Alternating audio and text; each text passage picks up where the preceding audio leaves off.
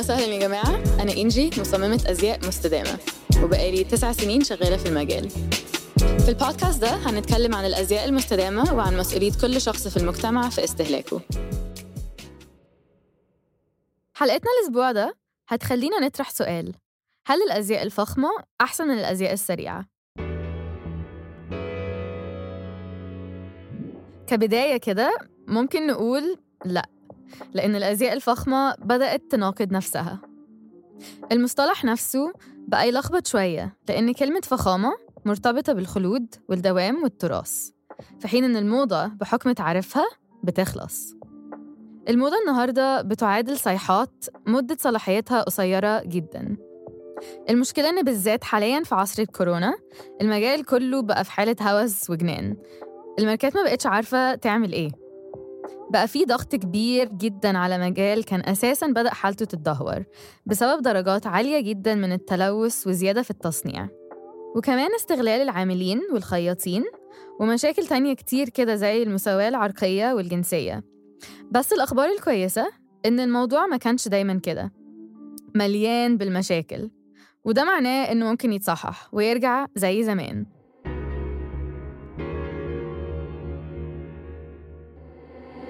خلينا نرجع في الوقت شوية قبل ما الأزياء السريعة تيجي وتخرب اللعبة كلها. زمان قوي بعد الحرب العالمية الأولى كذا من ال brands المعروفين جدا دلوقتي ظهروا. brand زي إرماز وشانيل ولانفان ولوي فيتون وبالنسياغا كل الشلة دي. كانوا معروفين جدا من الأول خالص بالجودة العالية جدا وتصميمات فريدة ومبتكرة. ولحد النهاردة هم معروفين بكده. بسبب الطريقة اللي كلهم بدأوا بيها. أي نعم وقتها ده كان العادي لأن فكرة الأزياء السريعة ما كانتش موجودة خالص أصلا لسه. الشركات المستدامة النهاردة نفسها إن المجال كله يوصل إنه يرجع يشتغل زي ما كان في بداية القرن التسعة عشر أول حاجة وزي ما قلنا ده كان العادي وقتها. كانوا بيصنعوا كميات قليلة وغالبا الحاجة كانت بتتعمل حسب الطلبية. تاني حاجة ودي مهمة جدا. الحاجة كانت بتتصنع مع أحسن وأشطر الخياطين والحرفيين ودي كانت بتبقى نقطة فخر ليهم إنهم بيشتغلوا مع ناس عندها كفاءة عالية. وكمان كانوا بيصمموا هدوم تصد مع الوقت. هم عارفين إن الحاجة هتتباع غالي والناس مش هتشتري كتير. فكانت التصميمات دايما كلاسيكية وكانت الناس فعلا بتحب الحاجة وكان عادي إن الأم تدي بنتها وبنتها تدي بنتها ويفضلوا كده يلبسوا الحاجة سنين طويلة يا ترى سمعنا الكلام ده فين قبل كده؟ على عكس الأزياء السريعة الموضة البطيئة طريقة مهمة بتحفز التصميم المدروس والإبداع والإنتاج والاستهلاك وبتدي الأولوية لعمر وجودة الهدوم وكمان بتاخد في عين الاعتبار تقليل من الإهدار بكل أنواعه. وكمان بتقلل من التصنيع على الفاضي لأنه في النهاية الزيادة دي كلها بتروح في مكب الزبالة. ال collections ما بقتش بتقعد فترة كبيرة في المحلات والمعارض. قبل ما بسرعة بتنزل sales وبيتجاب حاجات جديدة غيرها. ده مش أسلوب. الهدف والغرض إن يبقى في وقت أكتر مخصص للتصميم والتصنيع. زي زمان.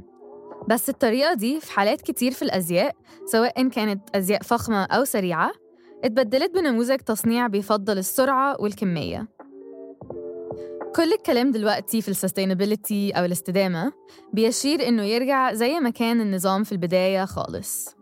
إن بدل ما الماركات تحاول تحافظ على حصريتها بطرق بجد غير تقليدية ممكن يبقوا فعلا حصريين ومميزين لأنهم فعلا بياخدوا وقتهم في التصميم وبيصنعوا بكميات محدودة ومش بس بيوحوا للناس بكده في العصر الحالي إيه اللي خلى العلامات والماركات دي يبدأوا يتصرفوا زي الأزياء السريعة؟ بصوا أنا على قد ما بحب ال collaborations ما بين ال brands لأن ساعات لما بتحط شخصيتين بأفكار مختلفة فعلا بيطلع ابتكارات ولكن بدأت ال brands الكبيرة دي تعمل collaborations مع brands زي صديقنا العزيز H&M. حوالي سنة 2004 بدأوا يعملوا اشتراكات كتير مع brands فخمة.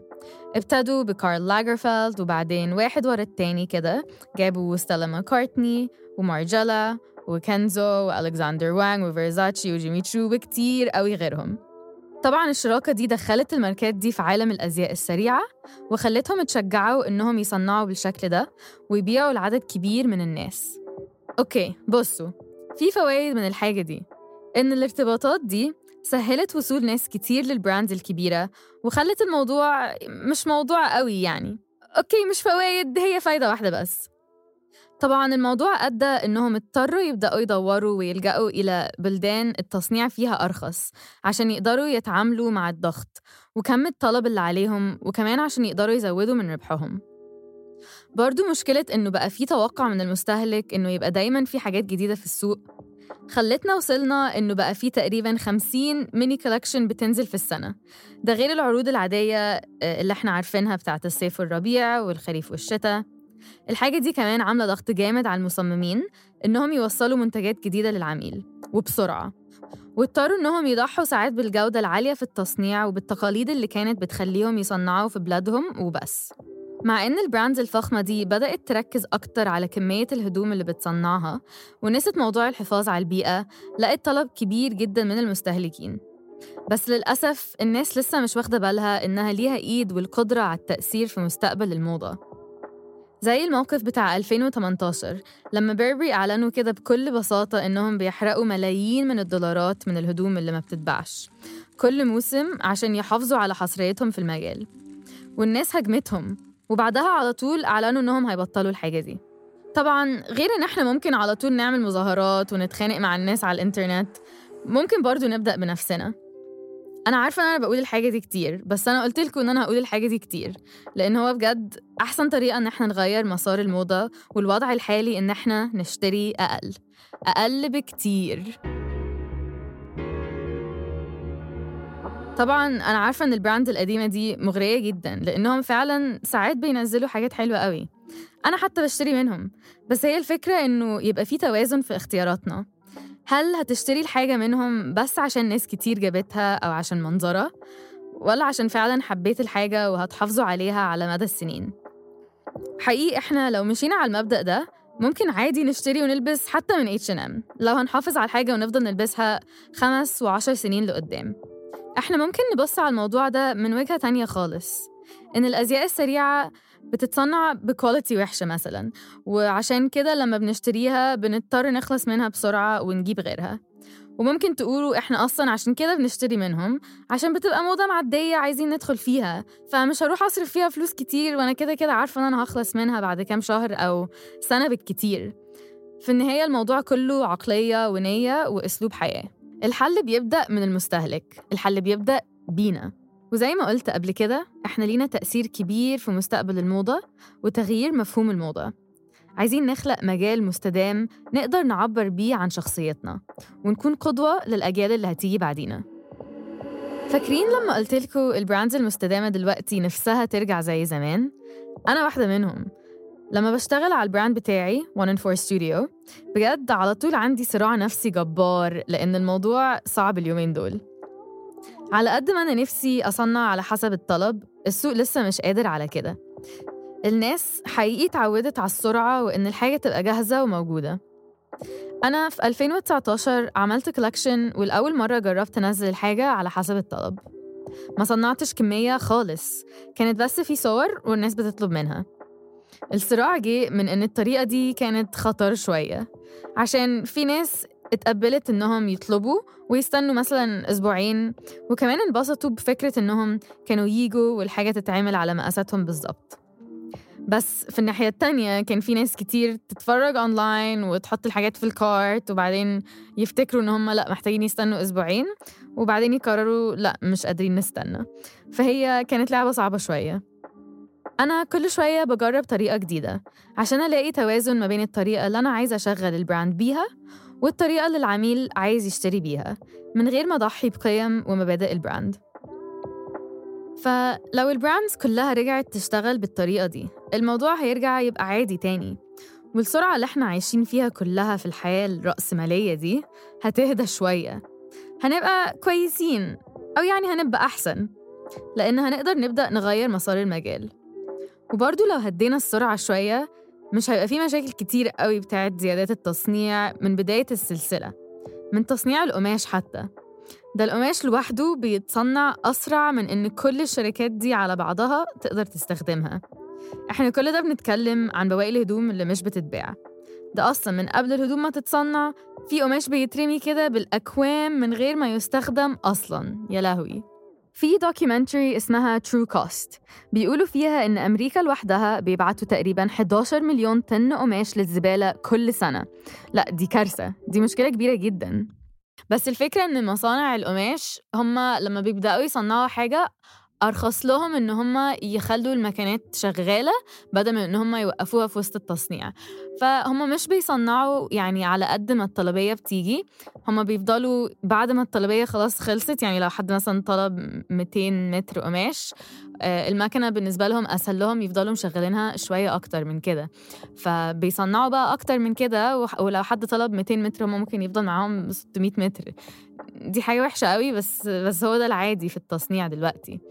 ف دي المشكلة إن في كميات كبيرة جدا بتتصنع زيادة من الأول أصلا وبتروح وبتترمي كده عادي. فدلوقتي حصل حاجة يعني كويسة جدا في المجال إن بقى في شوية ديزاينرز كده كتير طلعوا قرروا إن هم يحاولوا يلاقوا البواقي القماش الكتير قوي دي. يعني حتى ما ينفعش يتقال عليها بواقي لأن هي كويسة زي الفل ما حدش استخدمها أصلا بس يعني هي اتصنعت بزيادة وبتتباع برخيص قوي وبعدين بعد كده بتترمي أصلا. فبدأت الناس تحاول تلاقي الحاجة دي وحاولوا إن هم يبدأوا يصنعوا بالأقمشة اللي هي كانت هتترمي بدل ما يطلبوا أقمشة جديدة خالص. في مثلا براند آه، اسمها اي ال في دينم بياخدوا جينز كان already متصنع وكان يعني خلاص هو هيترمي بياخدوه وبيقسموه نصين وهو الشكل بتاعهم إن الجينز يبقى عنده كده خط متخيط في النص فكل رجل بتبقى متخيطة لونين كده. هي دي الطريقة بتاعتهم بس خلصوا العالم من جينز كتير دلوقتي لأن أصلا الدنم أو الجينز القماشة بتاعتها لوحدها بتستهلك كمية مية غير طبيعية. القطن لوحده أصلا بيستهلك مية كتير بس الجينز لأنه قماشة سميكة جدا بتاخد مية كتير قوي.